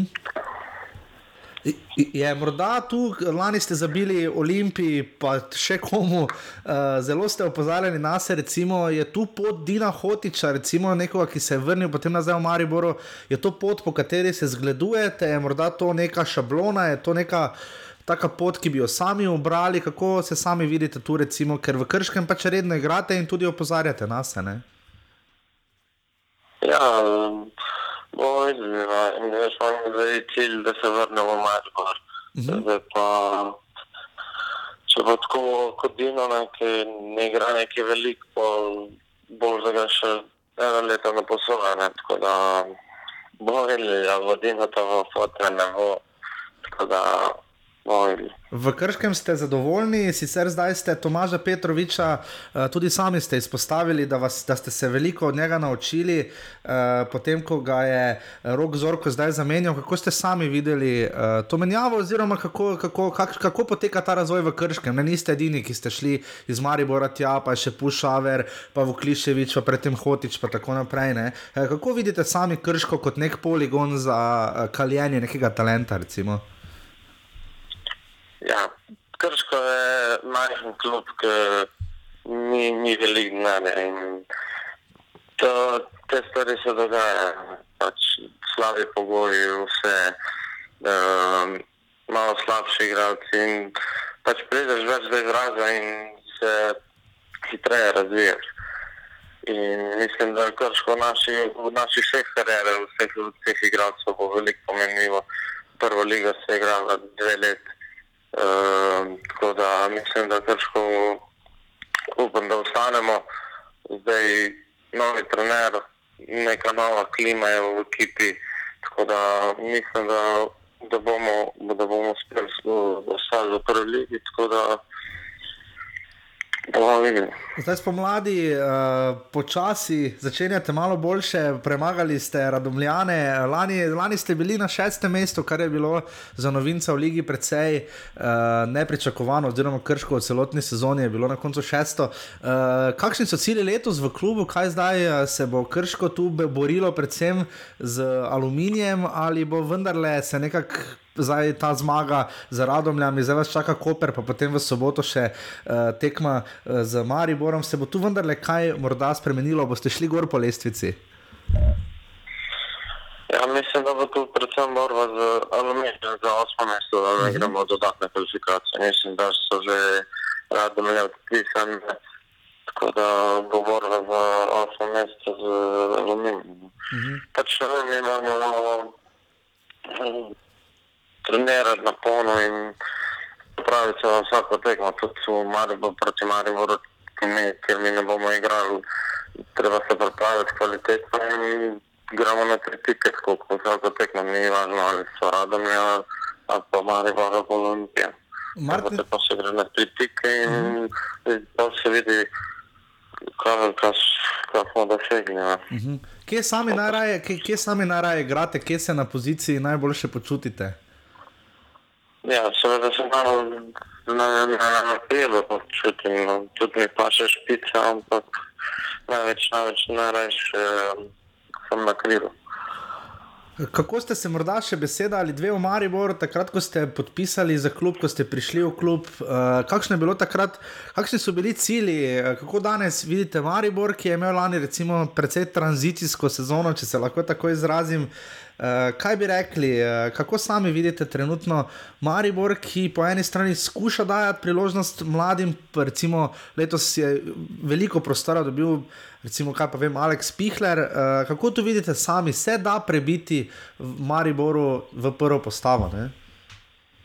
Ja, seveda se da prebiti. Uh, sam s tem ne moreš ti podpisati.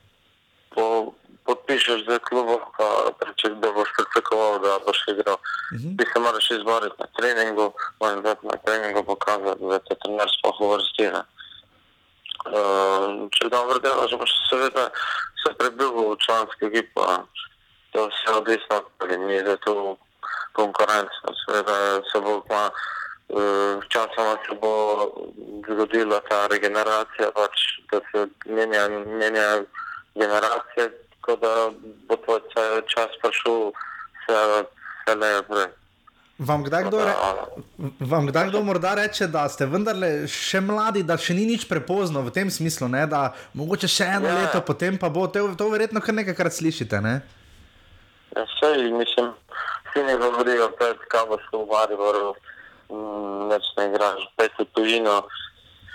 Vse, pač ne vem, moji letniki, dost, veliko jih je šlo v tujino. Zame je to, zame je to samo propadanje talenta, ker tam, tam je sto takih, kot si ti in težko, tam boš res težko igral. In s tem sam propadaš in zato je tukaj veliko propadlih talentov ne, v Sloveniji. Tako da mislim v Mariboru, a v bilo katerem klubu. Uh -huh.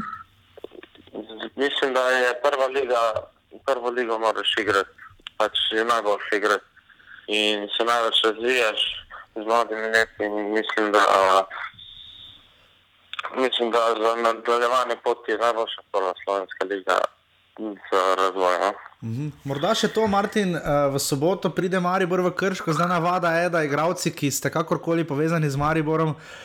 Proti uh, Violi častim ne igrate, bi si sicer sami želeli, recimo, ker ne na zadnje proti Olimpiji se vedno res izrazito, pa ne samo proti Olimpiji, ampak tam je to toliko bolj vidno, se radi dokazujete, bi se radi tudi proti Mariboru, če bi bila ta možnost. Najbolj se želimo vsi proti Mariboru. Vseh teh drugih osem tekem, ki igramo, mislim, Maribor nam bi več pomenil. ne. Uh -huh. Tam, kar se je klub odločil, mi moramo sprejeti, tako je. ne. Martin, najlepša hvala, da ste bili naš gost. Upamo, da uh, se boste kot talent še razvijali naprej, da bo reprezentanca uh, uh, pod četo Primoža Glihe začela dobro kvalifikacije jeseni in da bo krško splezalo nekam in da boste imeli uh, čim boljši razvoj vašega talenta. Ne? Ja, Hvala, Najlepša hvala na svidenje. adijo.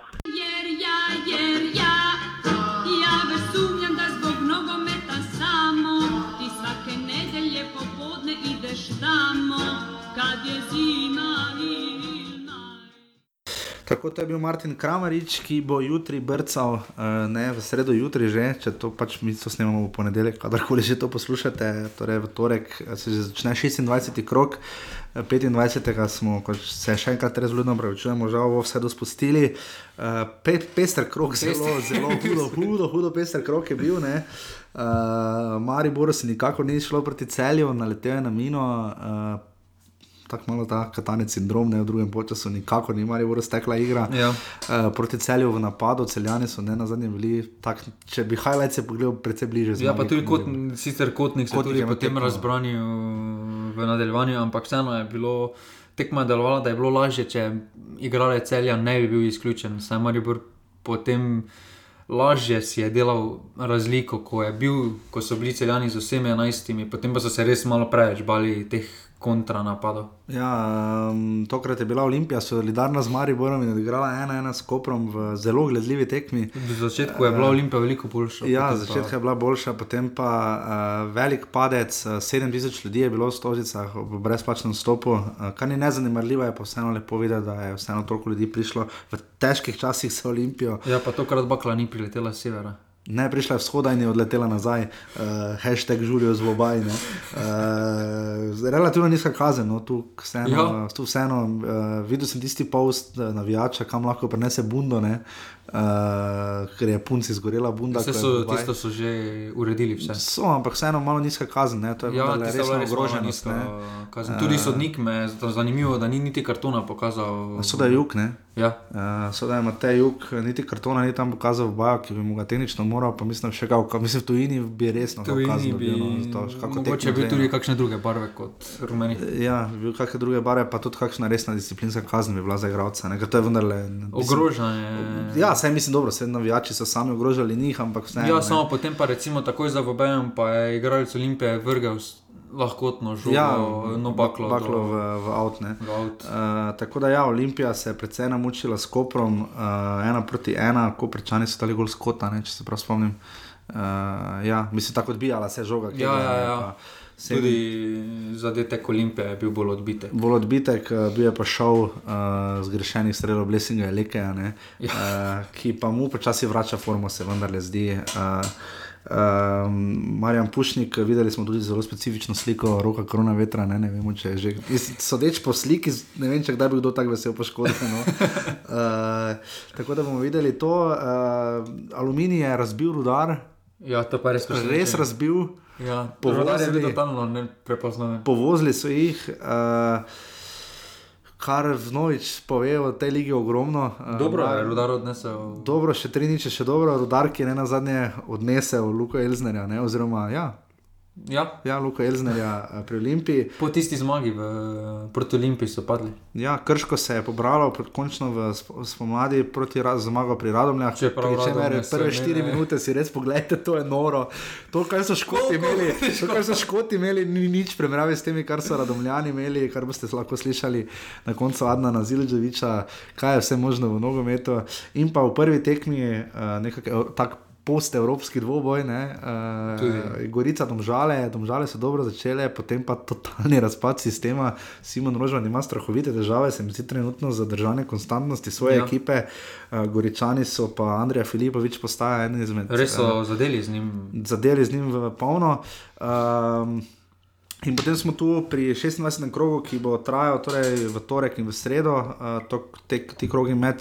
Tek med krogi. Jaz sem zelo rad kroge, sicer med. Jaz sem rad sredo na tekmo, moram priznati, tako čisto osebno. Ja, meni je tudi, z- Zelo fajn, tak posebni občutek, je malo drugačen. No.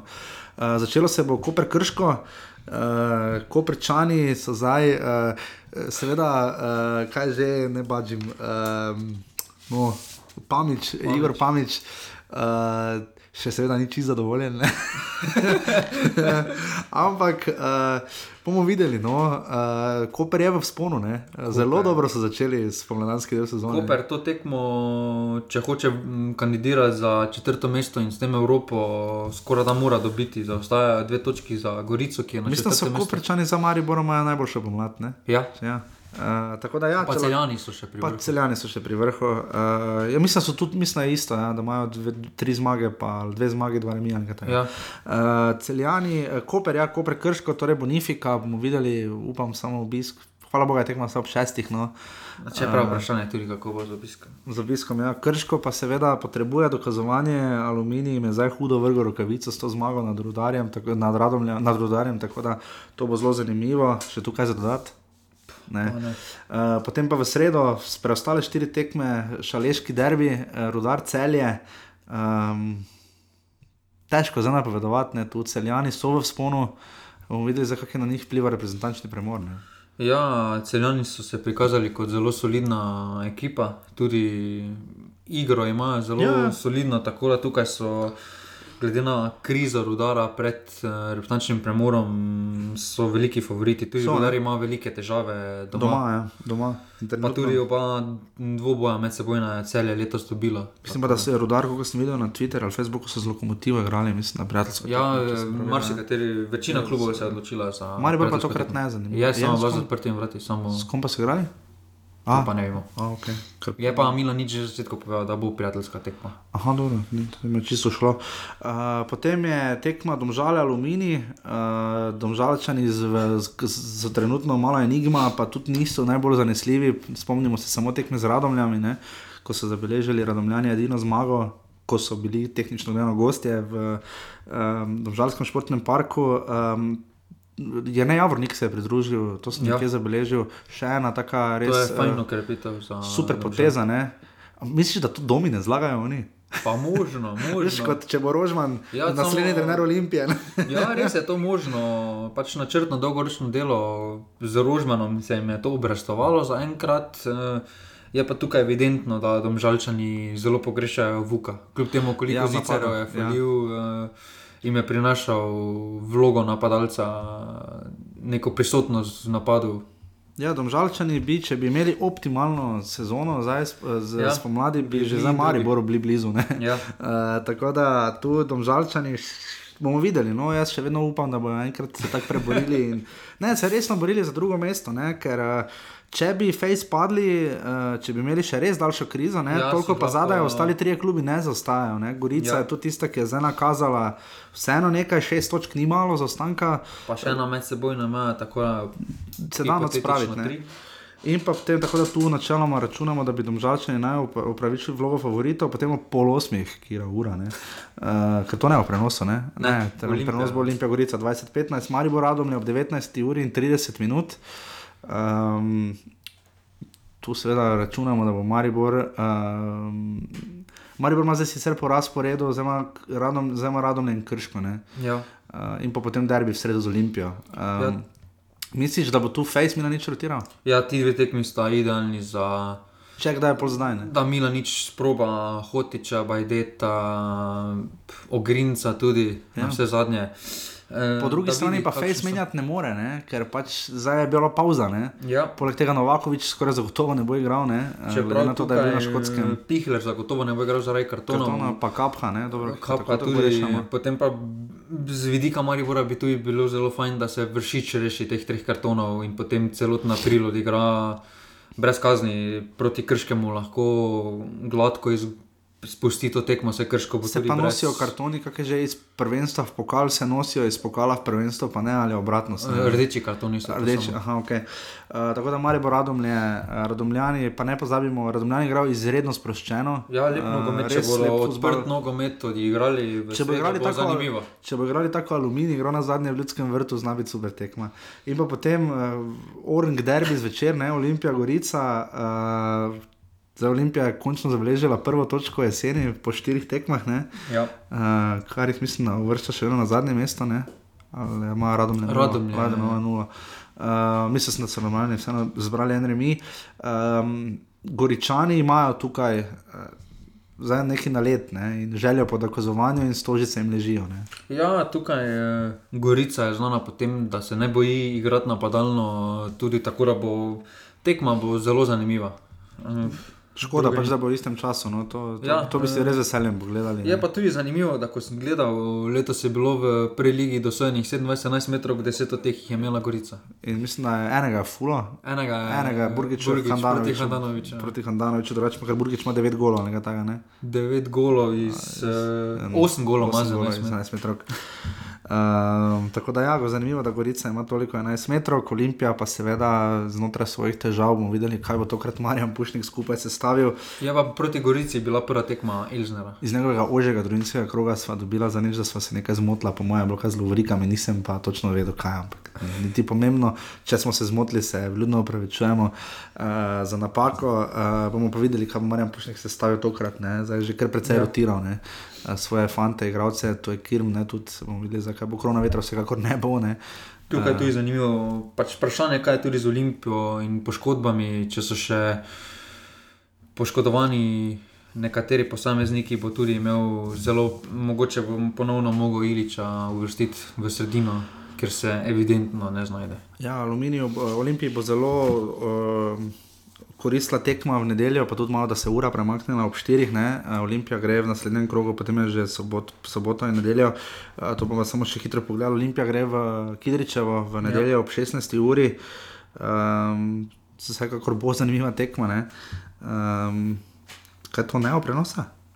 Po. Bo, okay, no. uh, ob 16. uri Aluminij, Olimpija. Samo malo čudna ura za. Malo čudna ura. Ja. Um, Tu seveda bo Marjan Pušnik lahko v noči, načeloma je Aluminij Olimpije ležal, uh, Ja. je pa vedno zobe pokazal. No. Ja, tudi na prvi tekmi v Aluminiju so imeli Kidričani pri zaostanku 1-0 mm. Tam priložnost ali za 11 metrov ali pa za indirektni prosti strel. tako da Povzročali so tudi kar nekaj težav, kljub temu, da rezultat 3 proti nič ne prikazuje tega. Maribor bo gostoval proti Krškem, od, da bi z veseljem igral, je Martin Kramarič že povedal, eh, ampak žal ne more. Eh, Maribor bo zvečer gostoval. Najbolj pomembni tekmi tega kroga bosta v moje popovdne, eh, oziroma predtem celje domžale. Ne? Ja. Eh, Tu bi lahko celjani eh, naskakovali tisto želeno četrto ali celo tretje mesto, bomo videli, kaj bo sredo. In pa derbi, ki mu, kot so nas potočili iz obale, več ne smemo reči, primorski derbi, Gorica Koper, uh, vse le pestrijo v računi, uh, kjer se je tudi škarice prepovedovalo in podobno. Uh, tako da bo tudi naslednji vikend, bo zdaj res bo ogromno nogometa in potem sta v. Potem sta pa še seveda polfinalni tekmi pokala Slovenije, Ja, naslednji s- teden o tem bomo pa več rekli, naslednji ponedeljek, ko bomo res imeli spet ogromno dela, bomo probali stiščati dajo za gostom ali dvema. Hitro bomo še pogledali v drugo in tretjo ligo, ne si pripravil. Ja. Um, tri glav. Gre naprej v svojo zgodbo, uh, tu je že praktično jasno, 10 golov, 41 golov razlika in pa 46 točk, en remi, en poraz. Uh, mislim, da dovolj pove, dob se sicer trudi, zaostaja, ampak že 9 točk. Ne. Ja. Tukaj tudi vprašanje, kdo je že veliko krat zavrnil povabilo ja. v prvo ligo, tako da niti po mojem nima niti ambicij.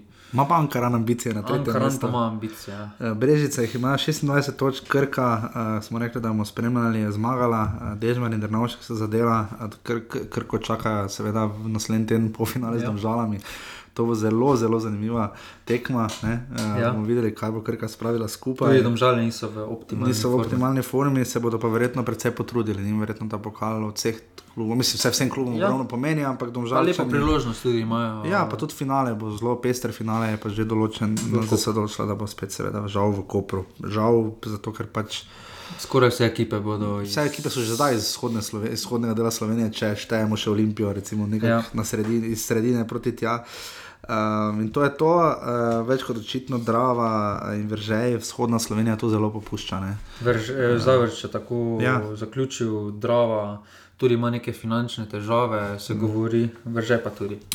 Maribor Hara v tretji ligi Severne, uh, zmagajo pri Lenartu in to je že praktično odločeno 44 točk, Rogaška in Korotan imata 28.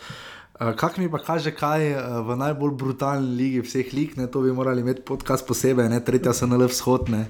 Ja, tukaj res uh, uh, Mura in nafta sta, se, sta odlično otvorila pomladanski del, medtem ko pa Beltinci in Odranci pa so malo padli, glede na jesenski del. Tudi nafta in Mura sta se. Se veš, da se je ravno kar Petro. Dominko si ušesa zlomane.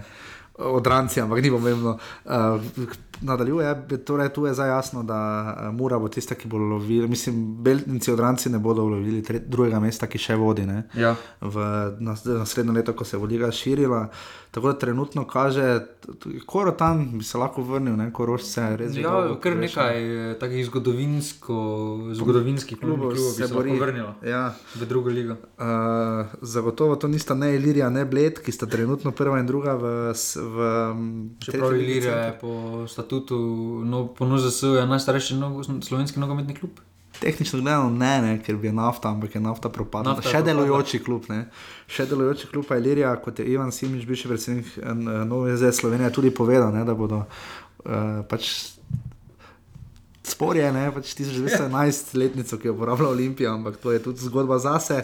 Trenutno bled, ker je tudi Jarmin Rakovič nekaj časa igral, eh, je na drugem mestu, bravo, uh, klub, v katerem Primus Gliha rad pogleda. In ima zelo dobro nogometno šolo, iz Ja. katere pa sicer izhaja kar nekaj fantov, eh, pa se drži na tretjem mestu, ker tu 37, 36, 35, Pa bravo ima tekmo manj. popravimo ima tekmo manj, uh, potem pa še tretja SNL Zahod, edina z desetimi klubi. Uh, tam ne moreš nižjo ligo pas, ne? Ne. Ne, ne. To, je Tukaj to. bo tudi zanimivo, kako bo naslednje leto sestava tretjih lig. Uh, Cherry Box 24, tabor, jaz za boga volja, ne vem kaj to je, nek sponzor, ampak hvala Bogu.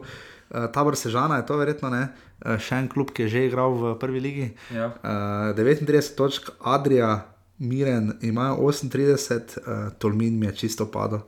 uh, ki je lani igral v Pokalu. Ne? Pokalo proti Mariboru. Ja, eh, saj prišel iz tretje lige v drugo ligo lani. Uh, Jadran Dekani, klub, ki je zapustil prvo ligo z najslabšo gol razliko v zgodovini, ki je ne noben presega, pa ima 37 točk, tako da tu bo tudi še borba za drugo mesto in tudi prvo, ne na zadnje. Ja.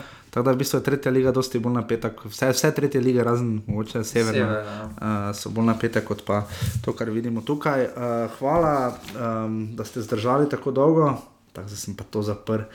Um, bomo še hitro pogledali uh, naše cenjene offside.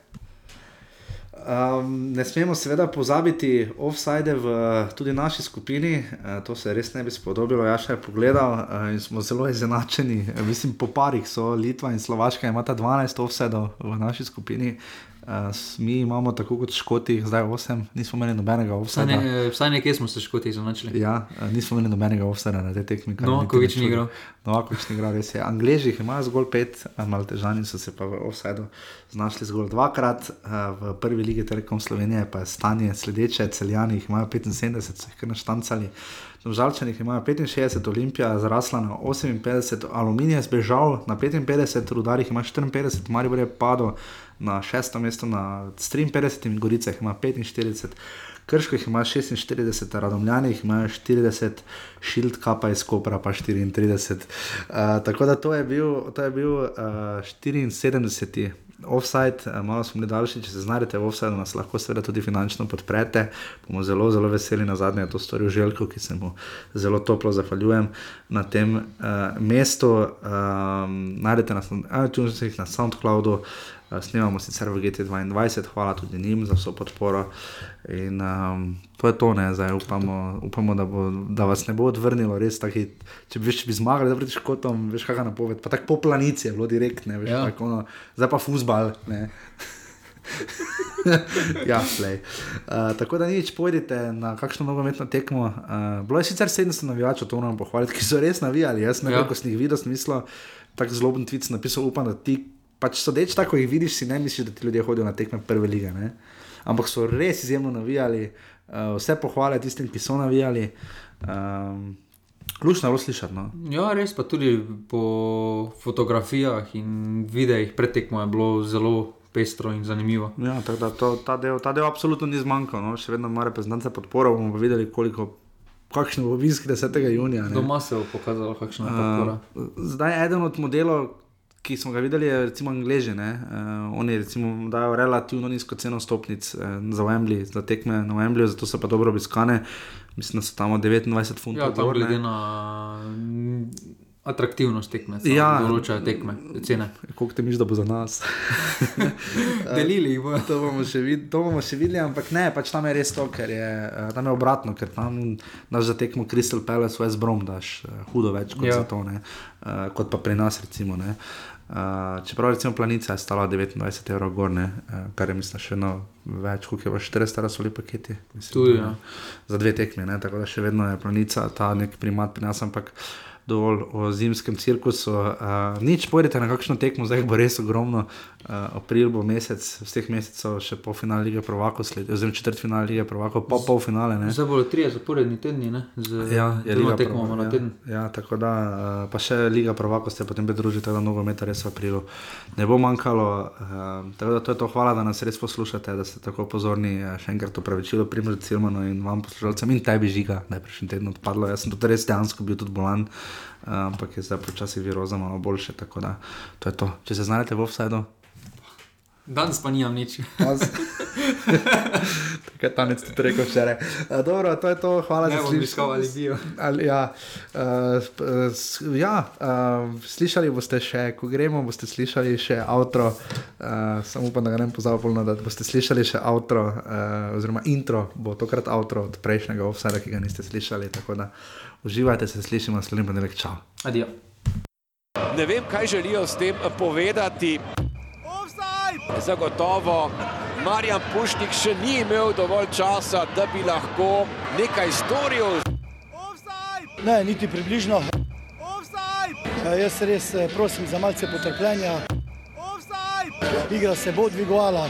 Danes eh, je bilo nekoliko boljše, to, da če ne izkoristiš takšnih priložnosti, kot smo jih mi danes, eh, in če žoga ne gre v gol, potem ne more zmagati.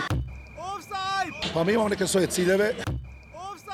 To je ipak jedan drugačiji bolji kopar nego što je bio prvi dio e, sezone. Međutim, ne opterećujemo se previše, pokušat ćemo igrati dalje dobro. Ja sam ponosan na svoju ekipu jer ovo što su danas pokazali to je van svake pameti. Izginuli su momci, daću i tri dana slobodno pa da daj Bože da uskrsnu tamo negdje u srijedu. Nismo najdli poti do njihovega gola, kljub temu, da smo nekajkrat bili nevarni. Iz tega ne bomo eh, delali teater, se moramo dobro, dobro pripraviti za naslednja kola in začeti zmagovati. Nogomet je pač takšen, te kaznuje.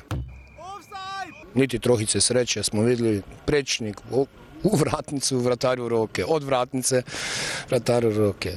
Še 5-600 procentnih, 100